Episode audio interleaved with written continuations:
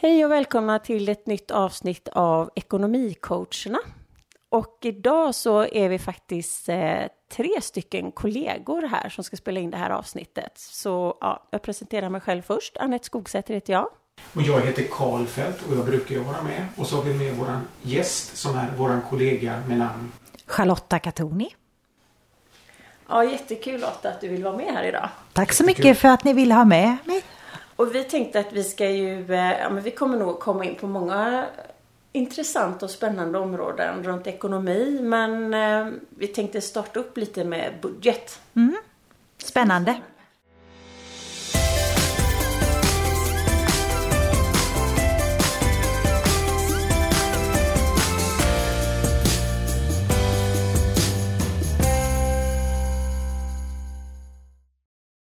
Ja, men när vi sitter och pratar kollegor emellan så hamnar vi väldigt ofta i, i, i prat och dialog just, just kring budget. Och det kan man ju fundera mycket på. Var, varför gör vi det?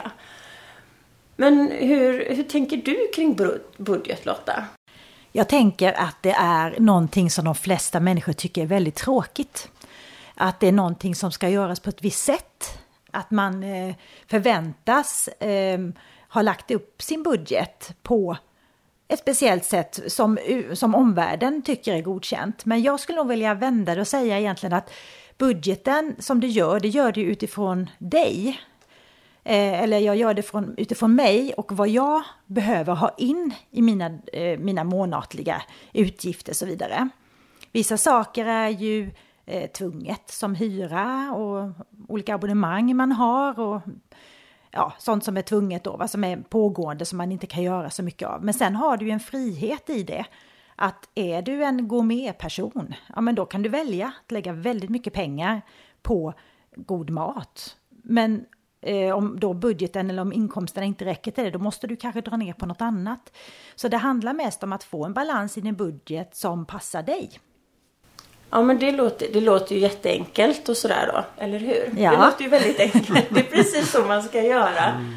Och ändå så kan vi uppleva att det, är, det finns liksom ett motstånd eller inte, inte att man inte vill men det blir kanske inte gjort ändå det här med budgeten över tid. Och det är lite intressant ändå varför, varför det är så. Mm. Men det har väl att göra med också att eh, man förväntar sig göra en budget. Och att man kanske är lite broduktig när man gör en budget och man ska följa en budget. Men sen att i verkligheten två minuter efter man har gjort sin budget så gör man någonting annat ändå. Den bryter budgeten med en gång helt enkelt. Och eh, det kan väl vara liksom ett sätt liksom kanske att man känner sig misslyckad då i så fall. Om man har gjort en plan och sen så, så kan man inte fullfölja den. Mm. Och eh, det är klart att då vill man inte göra en budget till nästa månad. För då kanske jag misslyckas med den också. Eller jag kommer att göra det tycker man. Mm. Så att um, vi har väl pratat om det i tidigare avsnitt du och Anette att uh, det viktiga är liksom inte hur du gör en budget utan att du hittar ditt egna sätt att göra en budget. Och vad du fyller den med mm. helt enkelt. Mm. Och det kan ju vara värt att gå tillbaks då man har så att säga misslyckats med en budget och se, ja men det kanske inte är de posterna som jag verkligen behöver ha i min månad. Utan gå igenom då på kontoutdraget och se vad lägger jag på de olika delarna. Eh, och då ser man ju också att ja, men jag kanske har jättemycket på utekväll. Eh, men det får jag ha om det går ihop i slutet. Jag väljer själv vad jag vill lägga mina pengar på. Men jag måste kanske dra ner på något annat. Eh, och då tänker jag om man misslyckas med sin budget så handlar det kanske om det. Att den följer någon form av vad man tror är en norm. Eh, så här borde det vara. Eller man går kanske efter Konsumentverkets olika siffror. Det är ju bara en vägledning. Vad är normal matkostnad till exempel? Ehm, men om man då liksom kolla efter vad är det jag faktiskt gör under en månad eh, och ta de siffrorna istället och se om man kan liksom styra om lite där. Nej, jag kanske inte vill lägga 500 kronor i månaden på kaffe från en, på 7-Eleven. Det kanske är onödigt. Ja, men då kan jag dra ner den posten.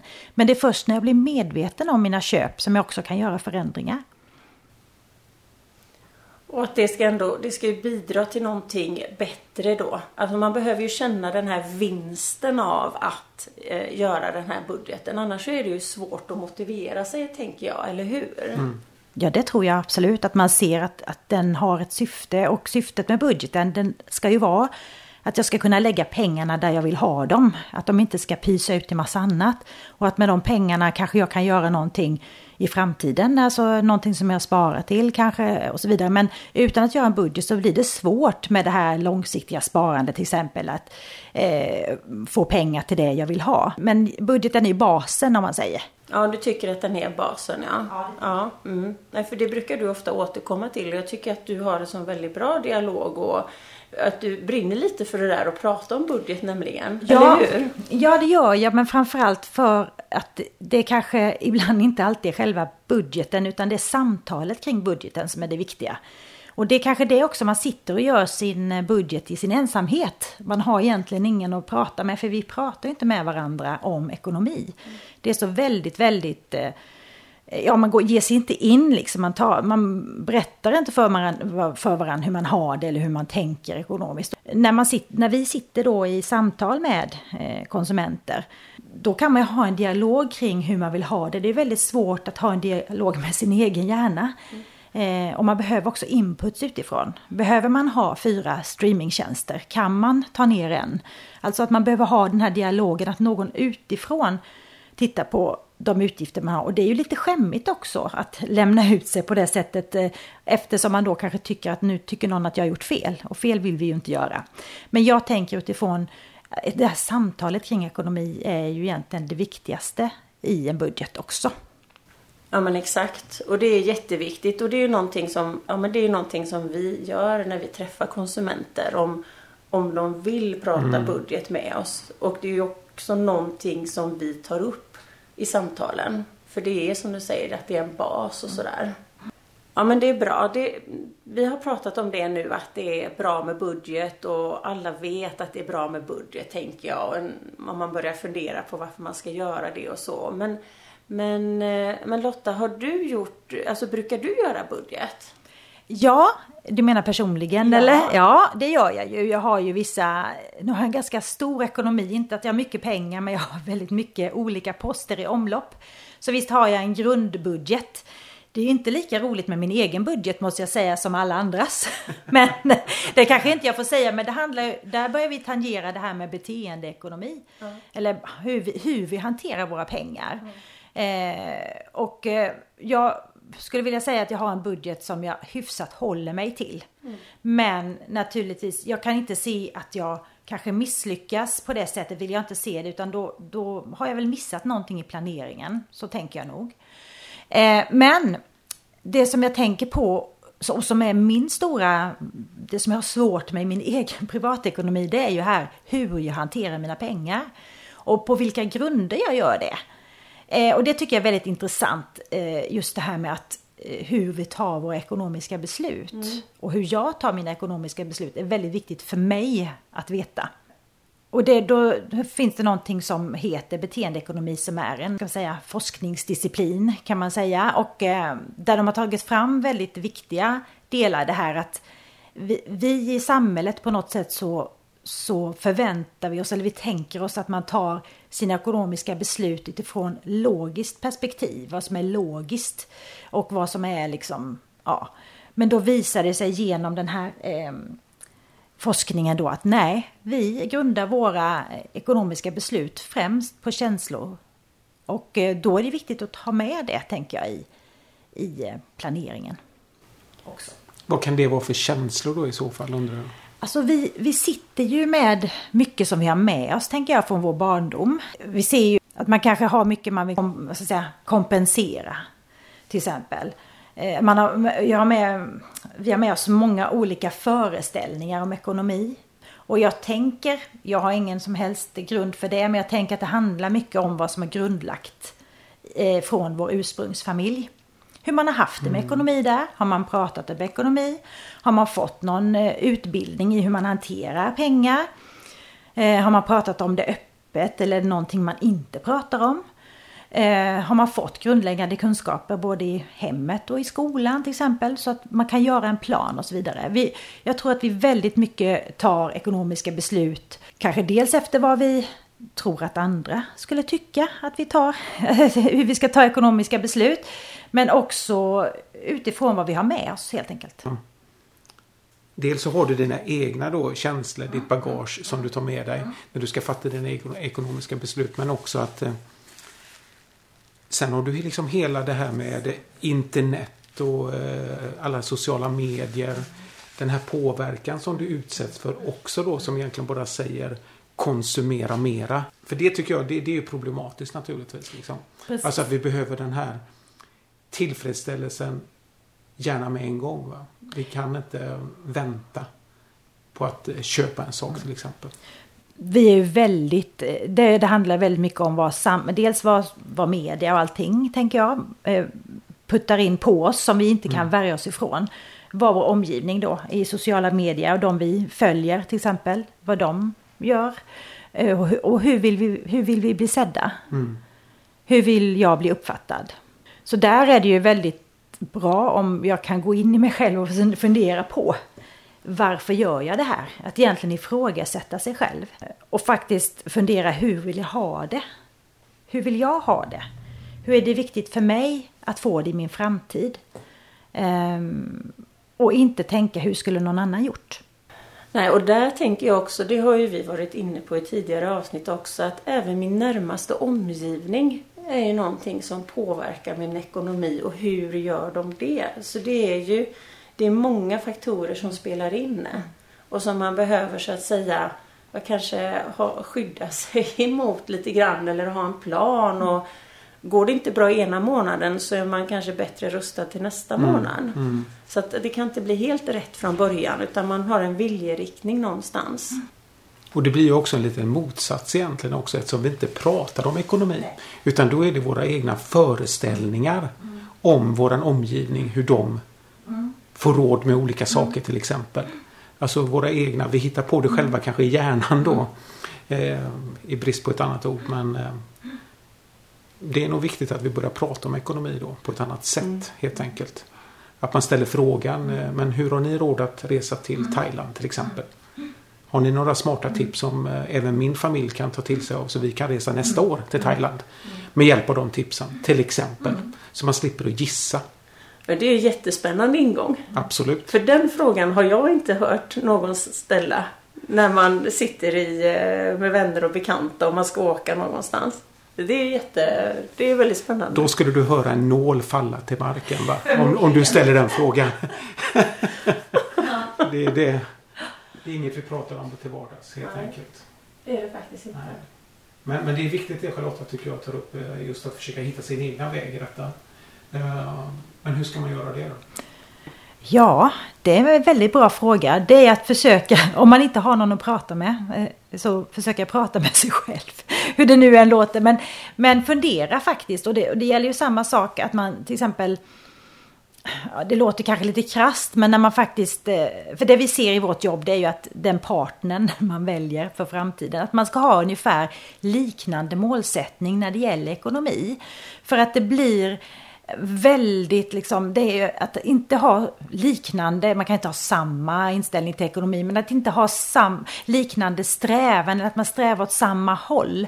Eh, och ha liknande mål eh, i framtiden. Till exempel vad man vill göra. Om man vill köpa en lägenhet eller om man vill köpa hus. Vill man, att man på något sätt stämmer av det. Mm. Och att, man, att det faktiskt är en viktig del i det här när man kanske gå ut och dejta. Det kanske man inte tycker är viktigt men, men det kan vi bara säga av erfarenhet att det blir det. Det blir viktigare och viktigare ju mer man, eh, ju längre man är tillsammans och framförallt i det skedet när man skaffar barn. Eh, och då är det väldigt viktigt att man har en liknande strävan när det gäller den ekonomiska planeringen och vad man vill. Ja, det där är ju jättebra att du kommer in på det. Också lite laddat område tycker jag. Klart Så det, jag, jag, mm. för mig är det ju inte det, men det är jättebra att du kommer in på det. Och det är också vilken inställning har vi båda till att ta krediter till exempel. Mm. Som, som också kommer att påverka ekonomin väldigt mycket och vår gemensamma ekonomi. Även om vi har olika inställning till det. Mm. Det krävs mycket arbete helt enkelt. Det krävs mycket arbete och det krävs ett samtal. Något som jag tänkte på som kanske skulle kunna vara ett tips då om man är själv. Eh, det skulle ju till exempel kunna vara så här. Det här har inte jag berättat för er tidigare men jag tänkte så här att om du en helg bestämmer dig för att nu ska jag fundera på detta. så stänger du av TVn, du stänger av all internet och du bara reflekterar över detta själv under en helg. Det vill säga att du får ingen påverkan utifrån mm. på dig. För jag tror att hitta den här tiden som vi pratar om att diskutera de här sakerna. De, den konkurrerar ju med TVn, med Facebook, Instagram, med eh, olika appar i telefonen. Eh, så att det är nog väldigt svårt att hitta det här tillfället när man ska kunna sitta ner och prata om detta ostört helt enkelt. Va? Det är en bra idé. Absolut. Testa den då. Testa den. testa, testa i alla fall två timmar ja. kan börja med det. Ja, precis. Absolut. Men att komma ifrån bruset. Jag tror det. Ja. Jag tror att det krävs det. Mm. För att annars så blir du distraherad. Mm. Men precis det som du ger exempel på nu, det är ju faktiskt det vi gör i så många andra sammanhang. Eller alltså, vi kanske betalar för att gå på yoga.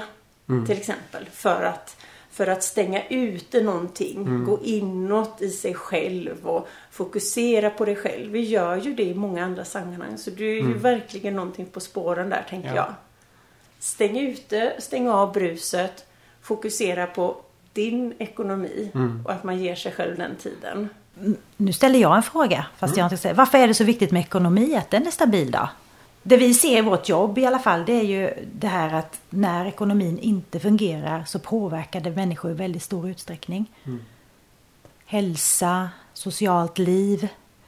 Eh, när li vi träffar ju många som kanske är något äldre, när livet inte blev som man tänkte.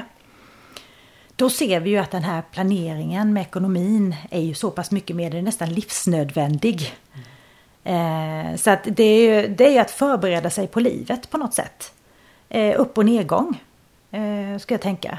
Det är därför vi behöver ha lite koll på vår ekonomi, göra budget, eh, så att vi, den leder oss, att inte det blir en belastning i framtiden utan att vi har eh, vi har liksom kontroll över den, den, den, skapar oss ingen stress utan vi vet vad som händer om vi skulle hamna eh, utan eh, inkomst under tre månader. Vi klarar oss ändå. Mm. Eh, det är därför man ska ha balans i sin ekonomi också. Ja, för jag tror att om man spolar tillbaka bandet för de som vi träffar oftast eh, så, så står de, har de liksom börjat med ett val. Alltså att de har ju gjort ett val som sen ledde dem i fel riktning. Och eh, att förebygga det valet då, det kan ju vara som sagt att man har koll på sin ekonomi. Vad som kommer in, vad som går ut. En budget som vi pratar om här. Va? Den kan vara ett verktyg då liksom att hålla en på rätt kurs. Sen måste det givetvis, givetvis kommer det hända saker ut med resan. Mm. Men eh, om du i alla fall har det, det beteendet att du gör en budget varje månad. Alltså en översikt om hur du tror att nästa månad kommer bli. Eh, med inkomster och utgifter och försöker hålla dig till det så gott som möjligt. Då har du ju liksom en eh, alltså en inre kraft att kunna hantera sådana här saker på ett annat sätt än om du bara går omkring och reagerar på allting som du stöter på. Och med det kanske då fattar förhastade beslut som leder dig fel. Men apropå att göra budget kontinuerligt och jobba med budget och så. Gör, gör du budget Karl? Mm, jo men jag brukar göra budget ehm, eller resultaträkning eller vad man nu ska kalla det för. Varje månad. Det specificerar eh, alla mina räkningar och inkomster. Och det gör jag ju då för familjen. Ehm, så att man vet ungefär hur mycket man har att röra sig med. Alltså för liksom vad, vad, vad kan jag, vilka pengar kan jag använda för att göra vad jag vill med. Mm. Det vill säga att jag budgeterar vad som är tänkt att användas för eh, olika poster. Som till exempel mat. Eh, då budgeterar jag en summa för det. Sen kanske man inte alltid kan hålla det till 100%. Eh, vissa månader drar man över och vissa månader har man pengar kvar. Eh, men också att man budgeterar pengar som man sätter av till sparande till exempel. Eh, men det är mest för, liksom, för att veta att eh, det är mest för att veta liksom att det finns pengar som man kan spendera på saker som inte man har planerat helt enkelt. Det, det, det tycker jag är viktigt. Men skriver du ner på papper eller använder du Excel? Jag brukar använda Excel. Jag tycker mm. det, är, det är det sättet som fungerar bäst för mig i alla fall. Mm. Annars hade jag fått sitta och sudda alldeles för mycket. Så att, eh, nej men det, jag tycker det funkar alldeles utmärkt. Och, eh, Vi sa ju det tidigare här att det inte viktigaste är inte hur man gör det utan att man gör det. Och att man hittar ett sätt som fungerar för en själv. Du då Anette, gör du budget? Ja men det gör jag faktiskt. Ehm, ja men lite samma som ni är inne på tror jag. Så jag använder Excel också. Delvis. Och sen så har jag ett Word-dokument också. Där jag skriver upp sånt som jag ska komma ihåg. För att ja, den här månaden är det några av barnen som ska klippa sig. Och den här månaden är det några extra födelsedagsdagar som man ska komma ihåg. Eh, jag tycker det är bra att det känns som man har betalt det redan mm. när man väl köper det. Eh, och eh, vissa autogiron Mm. Jag vet inte om det är överarbetat men jag tycker att autogiron, jag måste liksom ha uppskrivet och sen stämma av att det har blivit draget. Um, ja, det känns bra för mig. men sen även eh, jämna ut, alltså utgifter som man har över året som är ojämna. Alltså nu köper vi inte däck till bilen liksom varje månad och inte heller en gång per år. Men att det finns liksom en, det finns en budget för det där med mm. bilen. Och den är ju, alltså bilutgifter är ju tuffa tycker jag. Alltså det kan ju hända grejer som gör att det kostar mer än vad man tänkt. Och då har jag, jag kan tycka att det är bra att se, ja men det här året så höll budgeten för bilen. Men det verkar som det går upp mm. varje år. Det går inte ner. Så nu får vi lägga mer på bilen nästa mm. år till exempel.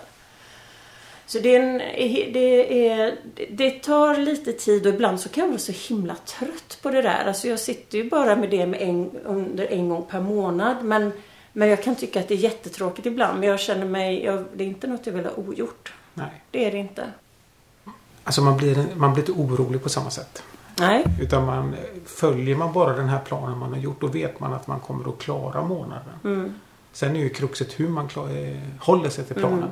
Men det är ju steg nummer två då. Men det gör ju att man blir liksom lite lugnare. Mm. Man, man, man, känner också att man har en viss kontroll mm. faktiskt över det hela.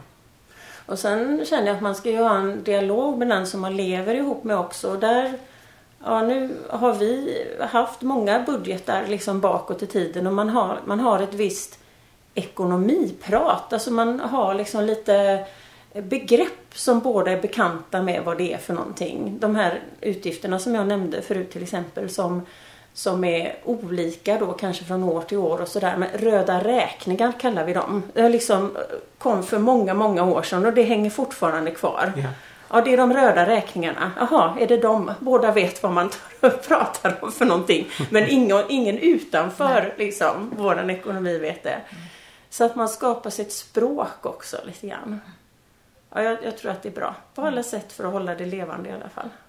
Men hur tänker ni då? Nu, nu ställer jag en fråga som vi inte har pratat om tidigare. Men hur tänker ni då med att eh, involvera era barn i detta? Hur får man med dem på tåget? Eh, alltså, man, jag menar, man har läst i media att man pratar om att ja, du måste prata pengar med dina barn. Det är viktigt. Eh, samtidigt så är det ju, kan det vara ganska känsligt också att barnen får en hundraprocentig insyn i familjens ekonomi.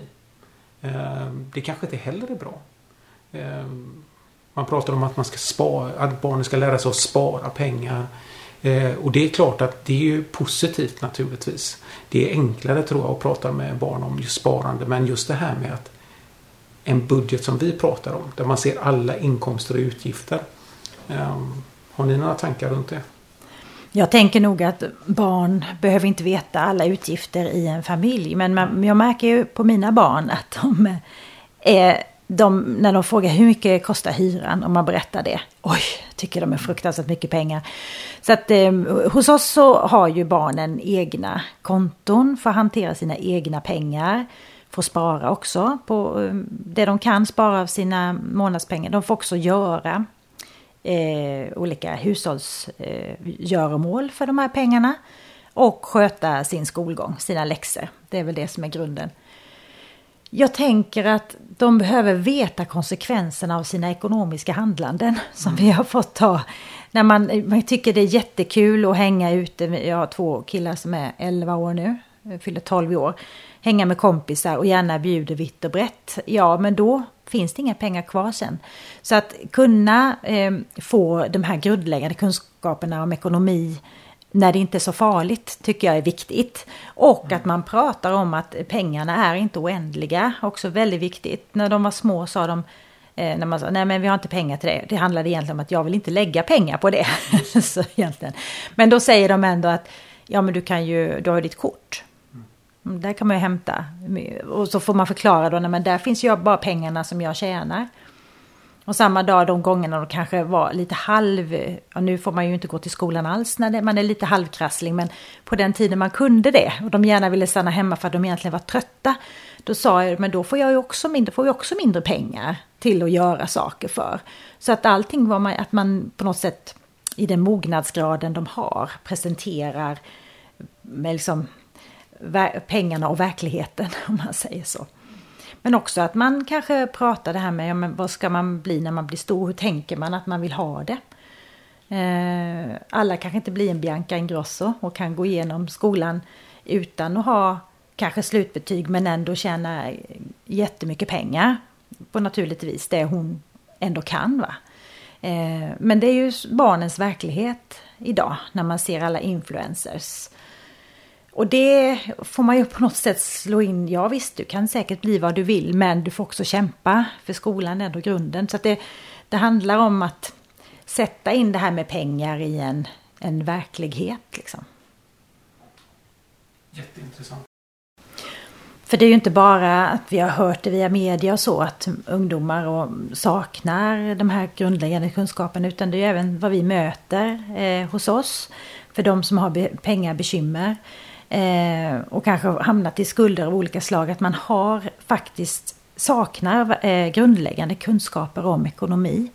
Man saknar grundläggande kunskaper om vad ränta är. Och vad det ger för konsekvenser att ha en ränta som är en viss procentsats. Och man kan inte liksom man kan inte omsätta det vad, vad, betyder det för mig? Vad gör det för min, för min eh, utgiftslista nu när jag sätter mig en kredit med så här mycket ränta? Eh, så där, där, gäller det ju verkligen, och där blir det ju så att säga, orättvist med de barnen som får den här grundläggande kunskapen hemifrån. Eller de som har lyckats tillskansa den kunskapen genom skolan. Eh, så där, där, får man ju liksom... Eh, där, det blir väldigt ojämlikt och därför behöver man ju, för det finns väldigt mycket kunskap att ta till sig. Men om man inte vet att man saknar den kunskapen förrän det är skarpt läge, Eh, då, då är det liksom lite, kan det vara lite sent. För vi ser många unga också som har en väldigt grav skuldsättning ska jag säga. Men hade vi haft ett öppnare samtal i samhället om det som handlar om vardagsekonomi, inte bara hur man eh, handlar med aktier och så vidare. För där tror jag det går över huvudet på många människor. Utan mer det här, ja men hur får jag min vardagsekonomi att gå ihop? Att det fanns tidningar upp och ner med bara de kunskaperna eh, hade nog gjort en skillnad tror jag.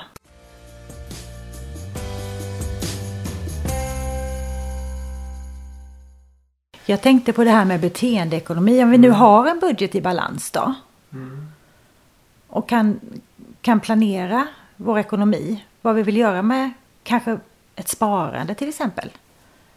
Hur eh, tänker vi där? Och hur svårt kan det vara att få till ett sparande? Jag tänker på vår hjärna där lite. Att det sitter mycket i hjärnan. Mm. Att det är svårt att komma igång och spara därför att vi Ja, det är svårare att spara pengar många gånger jämfört med att ta ett beslut om att handla någonting, eller hur? Mm. Mm. Men har du, hur brukar du resonera vid föreläsningar eller med konsumenter där? där? Jag, brukar, jag brukar ofta säga att vi har vår hjärna att leva med och lite med del vad vi har med oss eh, hemifrån och allt det där som vi har pratat om tidigare. Eh, det är ju att, vår, eh, att tänka på att vår hjärna är ju en sån eh, den vill ju ha tillfredsställelse direkt. Det är därför det är många, för många av oss som, som eh, tänker på det här med pensionssparande eller liknande, att då börjar ju liksom hjärnan redan där få liksom någon form av brain freeze. Så man vill ju inte ens tänka på detta. Och det handlar ju främst om det här att hjärnan den vill shoppa nu få tillfredsställelse nu. Den vill inte ens vänta till imorgon utan den vill nu nu. Därför är det ju väldigt svårt att kanske som 25-åring tänka att ja men om 40 år när jag går i pension då vill jag ha pengar. Då vill jag leva ett speciellt liv.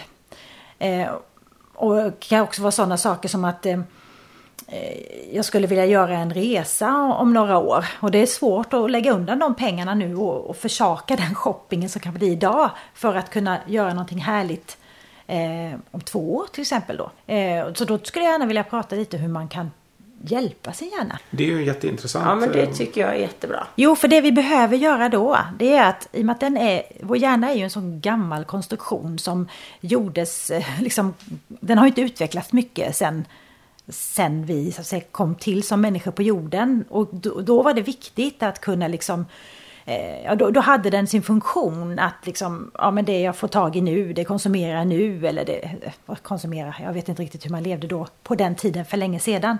Men eh, samhället har blivit så mycket mer komplext. Vi har ett annat liv idag, men hjärnan är egentligen inte väldigt, så mycket, mycket välutvecklad från hur den var förr, för länge sedan då. Därför behöver vi mata vår hjärna med bilder till exempel. För att kunna avstå konsumtion idag för att ha om två år eller ha i, om 40 år när jag blir pensionär. Då behöver jag mata det med bilder för att lättare kunna eh, Liksom att jag, ja, men till exempel om jag ska ha en semesterresa om två år, ja men då sätter jag upp bilder på det för att lättare kunna avstå från, från de här pengarna nu och lägga undan dem. Det, det, är, att, det är ett sätt att kunna eh, liksom kanske avstå nu, det är också att göra tillsammans med andra. Att, för det vill också vår hjärna, den vill vara social. Så att har man ett kompisgäng som tänker att man skulle vilja göra någonting tillsammans i framtiden, då kan man peppa varandra genom att spara tillsammans, man skickar bilder om det här ska vi göra sen och så vidare. Att man, att man bygger upp liksom, bilder om hur vi kan ha det när vi då reser iväg om två år. Eh, det skulle vara så lättare kanske att bara ta en kredit, eh, köpa en resa och dra iväg nu. Eller så. Va? Och det, det är ju det vi vill, eh, inte vill att människor ska göra för sen när man kommer tillbaks från semester och ska fortsätta betala den här krediten då kanske. Det är inte lika roligt. Utan vi vill att man ska spara först. Eh, och det kan ju också vara lite svårt då att till exempel i slutet av månaden se att det finns några pengar kvar eh, för att avsätta till det här. Eh, Resan eller vad man nu vill spara till. Man kan väl spara till en lägenhet och det är ju ännu större insats man behöver göra då. Eh, och, och, en större, gräva större, kanske göra mm, större uppoffringar i sin ekonomi för att ha, ha eh, möjlighet att göra det längre fram. Eh, och detsamma där att man då matar sig själv med bilder. Men det som man också kan göra det är att eh, när inkomsten kommer varje månad eh, med detsamma flytta över den summa man har bestämt sig för att eh, spara till ett annat konto på en annan bank. Och varför jag säger det på en annan konto på en annan bank, det är ju för att vi, vår hjärna, oftast, de flesta av oss, behöver den här extra dagen för att inte se att man lätt kan flytta över. Har man, har man ett sparkonto på samma eh, internetbank som man har sitt spenderkonto, ja men då är det en knapptryckning bort. Att eh, liksom flytta över lite pengar så här. Va? För just den där jackan jag ser just nu, den måste jag ha nu, nu, nu, nu. Istället då lägga eh, de här bufferten på ett annat konto. Då tar det en bankdag och plötsligt är det inte lika angeläget att ta sparpengarna för att köpa den här eh, jackan dagen efter. På det sättet hjälper jag min eh, hjärna, min tillfredsställelse janki som jag har, som styr mitt liv på så många olika sätt, att, att eh, låta pengarna vara kvar på kontot. Det är ett enkelt men väldigt eh, bra tips. Ja, mm. men där var det ju tre konkreta tips. Att levandegöra det med bilder för att hålla liksom drömmen levande och även hålla mitt beslut levande egentligen, eller hur? Och sen så hade du som alternativ nummer två. Tillsammans med andra va? Tillsammans med andra ja. Och nummer tre hade du att sätta över pengarna med en gång mm. till en annan bank. Så tre konkreta tips att testa där. Mm.